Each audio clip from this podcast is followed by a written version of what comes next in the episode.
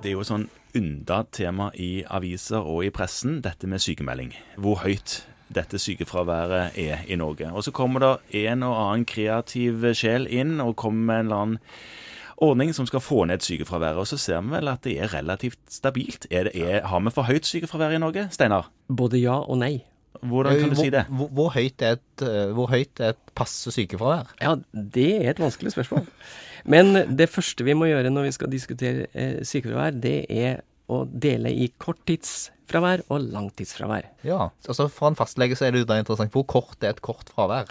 Nei, det nå hadde nå vært litt forskjellige definisjoner på det. Men hvis vi tar arbeidsgiverperioden på en 14 dager, så Ja. kan vi i hvert fall kalle det et korttidsfravær. Ja. Og korttidsfraværet har vært ekstremt stabilt og lavt i Norge, vil jeg si. Det utgjør ca. 1% av sykefraværsdagene i Norge. OK. Og det tror jeg er riktig. Verken for høyt eller for lavt. Kanskje riktig for at det vært stabilt. Og når folk har feber, er smittsomme og har omgangssyke, så tror jeg det er veldig ålreit at de er hjemme et par dager. Ja, ellers hadde korttidsfraværet gått opp. Nettopp.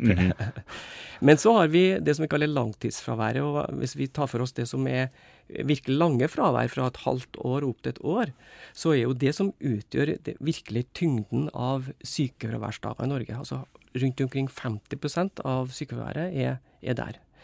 Og da har vi jo folk med ganske alvorlige sosiale eller helsemessige problemer.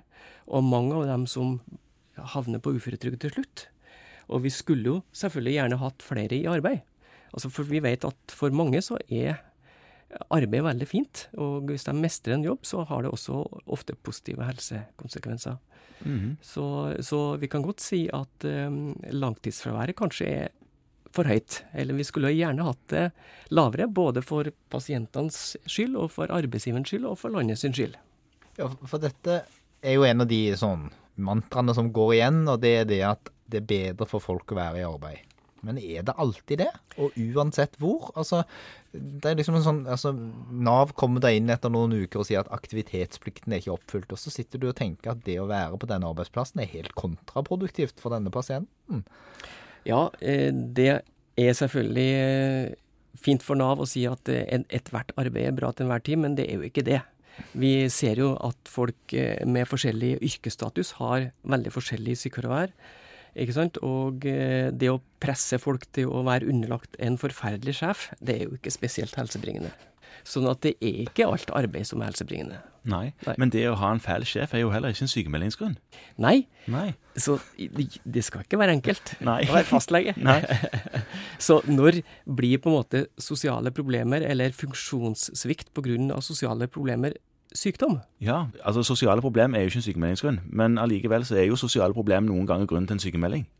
Ja, det er jo det. Og eh, vi ser jo også at stortingspolitikere noen ganger går foran og har sosiale problemer. Med et godt problem. eksempel. Ja, og har sosiale problemer, og plutselig er de sykemeldt. Ja, fordi de er uthengt i pressen, eller det er en eller annen sak på de, eller det er noe som har skjedd, og så går de hen, og så er de sykemeldt fra stillingen sin. Mm. Og det er jo folk med høy posisjon, høy status og mange muligheter i livet. Og da kan jo vi eh, legene tenke på alle dem som har lav status, kanskje en ganske trasig jobb. Hvordan skal vi hjelpe dem når det butter imot? Så det er jo noen gang at eh, noen trenger det vi kan kalle legens beskyttelse. Ja. Men da er det en sånn teknisk utfordring. For dette, hvis du som fastlege prøver å sette et sosialt problem på sykemeldingen altså Det er nesten sånn at hvis du hentyder til en sett diagnose på den sykemeldingen, så blir den avslått. Mm. Fordi det er ikke sykdom. Nei.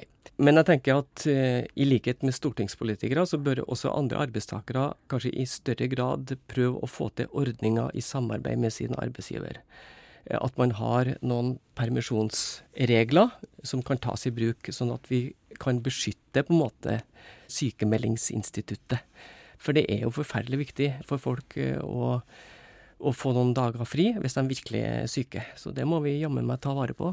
Det er veldig interessant det du sier der, Steinar. Og vi, vi sitter mange fastleger og, og får litt sånn kjeft fra Nav, føler vi.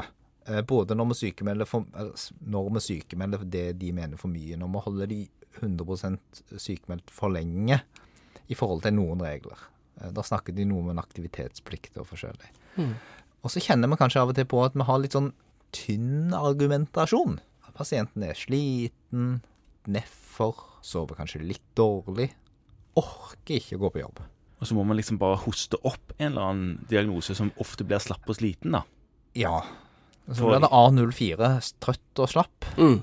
Og så får du beskjed om at eh, etter, i hvert fall i vårt journalsystem, så er det at etter noen uker så dukker det opp en sånn terrormelding i sykemeldingsvinduet der det står kan du skifte fra en symptomdiagnose til en sykdomsdiagnose. Ja, da blir du litt svett på ryggen. Og så sa du nja Nei, jeg kan ikke det. Nei, det er, det er ikke enkle grenseoppganger, det her. Og så er det jo dette med bruken av gradert sykemelding versus full sykemelding. For mange så er jo det bedre, fordi at du holder kontakt med en arbeidsplass. Hvis du har vært eh, lengre borte over full tid, eh, så blir det litt vanskeligere å komme tilbake ikke sant, og treffe kollegaene på nytt igjen. Men det er kanskje også et, tveegga sverd, for hvis man eh, presser veldig mye på å holde folk på en arbeidsplass eh, som de kanskje ikke burde vært på av helsemessige grunner, så eh, kan man jo gjøre noen en bjørnetjeneste med det også. Ja, ikke sant? Altså at man holder folk kunstig i ånde, på en måte. Mm. På en, I en jobb som de ikke burde hatt. Hvis en da skal være en helsepartner til den pasienten, skal man be Nav om å eh, omskolere dem? Altså det skal gode grunner til for Nav går inn og betaler for en ny eh, utdannelse. Det skal mye til, men jeg tror igjen at eh, dialog er på en måte redskapet her. Altså eh, hvis man kan snakke med Nav, eh, hvis man kan også snakke med arbeidsgiver, og, og prøve å finne løsninger som, som alle kan godta, da. Så kan man ofte finne svar på de vanskelige spørsmålene. Mm. Og så er det en elefant i rommet som vi på en måte må si noen ting om, og det er Ja, Morten, det var ikke deg, men det er arbeidsgivers plikt til tilrettelegging. Jeg har av og til fått servert eh, følgende oppskrift fra pasienten etter å ha ymta fram på at nå kan du vel kanskje begynne å prøve deg litt igjen. Jeg snakka med sjefen, han sa jeg fikk komme tilbake når jeg var frisk. Hva sier man da? Ja, hva sier man da? Det er, da er det vanskelig å hjelpe til. eh, Og arbeidsgivere har jo også på en måte ikke sant, sine agenda, og ofte så er det sånn at eh, skal vi leie inn hjelp, eller skal vi ikke leie inn hjelp? Ja. Eh, ja, Så de spiller også en viktig rolle i, i dette eh, sykefraværet. Og arbeidslivet generelt. For det, det er klart at eh, det kreves ganske mye for å være i arbeid i det norske arbeidsmarkedet. Du skal fungere godt. Du skal være produktiv, og hvis at du har helseproblemer, litt fravær nå og da, kanskje sosiale problemer oppi det, så er det fort gjort å bli mislikt i, det norske arbeidsmarkedet. Og jeg tror jo på en måte det, det klimaet i arbeidslivet er den viktigste årsaken til at trygdefraværet er på det nivået det er. Vi kunne hatt et mer inkluderende arbeidsliv, der vi hadde tålt folk med litt problemer i litt større grad enn vi gjør i Norge i dag. Er det for perfekt? Ja, jeg syns eh, kanskje det. Men eh, det er klart at eh, når det stresses hele tida med produktivitet, effektivitetsøkning, outsourcing, så, så er det ganske tøffe forhold. Og du skal, du skal jammen meg jobbe for å forsvare lønna di i, i det norske arbeidsmarkedet.